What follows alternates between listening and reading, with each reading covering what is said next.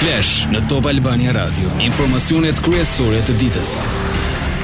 Po ndiqni përmbledhjen e orës 16 unë jam Anibame.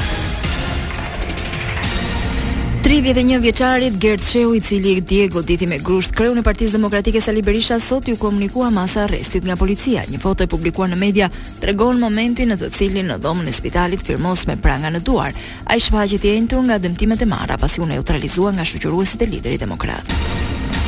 Por, a ka marrë Berisha thirrje për të dëshmuar në polici dhe kur do shkojë? Në përgjigje të interesimit të shtuar të gazetarëve në Facebook, drejtori i Zyrës së Shtypit dhe Komunikimit në Partinë Demokratike Alfred Lela thekson se Berisha e dha dëshminë publikisht dhe u pa gjithçka. Policia duhet të bëjë mbrapsht nga seria e provokimeve, shkruan Lela. Incident në hyrje të selisë së parlamentit ku një 32 vjeçar dëmtoi me makinë traun. Në njoftimin zyrtar thuhet se u shoqërua nga uniformat blu dhe po punohet për sqarimin e rrethanave të ngjarjes. Ndërkohë jo zyrtarisht mësohet se vuan nga probleme të lidhura me depresionin. Ai ka tentuar parkimin e automjetit në zonën ku nuk lejohet pasi ishte e rezervuar për makinat e institucionit. Ulet çmimi i naftës dhe benzinës në vend, në mbledhjen e sotme u vendos që bordi i transparencës të ulë me 8 lekë litrin e naftës, ndërsa atë të benzinës me 4. Respektivisht nuk do shiten me më shumë se 198 dhe 180 lekë për litër, Po ashtu nga ora 18 e ditës së sotme litri i gazit do kushtojë 2 lekë më pak se aktualisht, pra 69 lekë.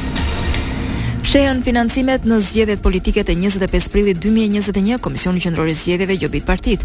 Partia Socialiste në pushtet është mes të gjobiturave nga KQZ-ja bashkë me PD-n dhe 11 subjekte të tjera.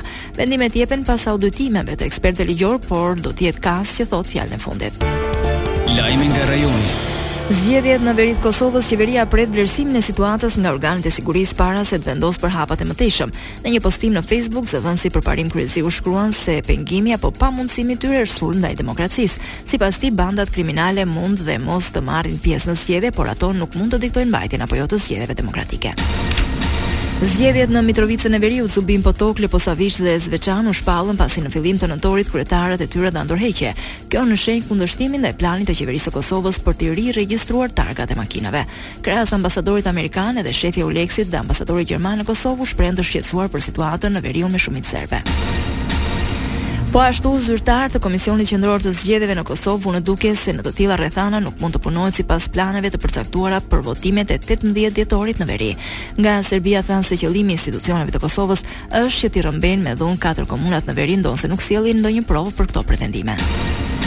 Mbi 30 persona u arrestuan në Greqi gjatë trazirave që pasuan dhunën policore në Athinë dhe Selanik gjatë përleshjeve mes ekstremistëve të majtë e policisë, u hodhën mjete plasëse dhe gurë. Forcat e rendit përdorën gaz lotsjellës për të shpërndarë turmat. Lajme nga bota. Aksident hekurudhor në Spanjë, njëqind e pesëdhjetë e pesë persona u plagosën nga përplasja e dy trenave në periferi të Barcelonës. Një prej tyre kishte ndaluar, rrethanat ende nuk janë sqaruar. 150 vetë morën lëndime të lehta, ndërsa pesë të tjerë janë në gjendje pak më të rëndë, por vetëm tre u dërguan në spital. Ministrja spanjolle e transportit Raquel Sanchez po ndjek nga afër situatën dhe të plagosurve u uroi shërim të shpejtë. Për shkak të aksidentit, disa linja trenash ndërprenë përkohësisht lëvizjen. Një pasagjere tha se përjetoi goditje të jashtëzakonshme dhe shtoi se njerëzit bërtisnin nga paniku. Në Gjermani goditet grupi që planifikonte rrëzimin e qeverisë. Pas dhjetëra kontrolleve në njëmbëdhjetë shtete federale, policia gjermane arrestoi njëzet e pesë të dyshuar për komplot. Prokurorët bënë të ditur se në këtë aksion morën pjesë rreth tre mijë policë, të cilët kryen bastisje në njëqind e tridhjetë lokacione. Aksionin policor ministri gjerman i drejtësisë Marko Buschmann e përshkroi si operacion antiterrorizëm. Dyshohet se planifikohej një sulm i armatosur ndaj institucioneve të shtetit, i përbërë nga figura të ekstremit të djathtë dhe ish-ushtarakë. Grupi planifikonte të sulmonte ndërtesën e parlamentit dhe po ashtu të merrte pushtetin.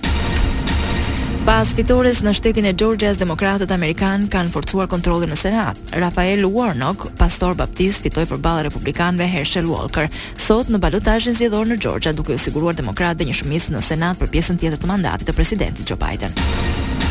Për 2022-shin Volodymyr Zelensky shpallet njeriu i vitit nga Time. Revista amerikane e vlerëson presidentin e Ukrainës si njeriun me ndikimin më të madh global të 12 muajve të fundit. Zelensky mundi kandidatë të tjerë përfshirë presidentin kinez Xi Jinping. Ursula von der Leyen e para në botë në renditjen e 100 grave më me ndikim në revistën amerikane The Forbes. Shefja e Komisionit Europian u vlerësua për rolin e saj gjatë luftës në Ukrainë dhe menaxhimin e pandemisë së koronavirusit. Ndikimi i saj është unik, asnjë grua tjetër në renditje nuk ka udhëhequr një politikë në emër të katërqind e pesëdhjetë milionë banorëve, theksohet.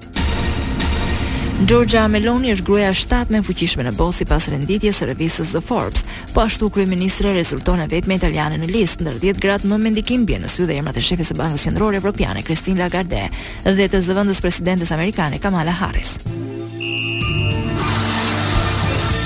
Sport. Pasi në Botërorin Katar 2022 Spanja dështoi përballë Marokut dhe i dha lamtumirën Kupës së Botës, trajnerit Luis Enrique i mbaron kontrata, por drejtuesit e Federatës Spanjolle të Futbollit nuk kanë ndërmend t'i ofrojnë akord të ri. Sipas mediave në krye të listës së dëshirave të drejtuesve të futbollit iberik gjendet Marcelino, pesëdhjetë e shtatë vjeçari me eksperiencë të madhe në La Liga. Këtu kemi përfunduar, mirudëgjofshim në edicionin e orës 17. Kjo është Top Albania Radio.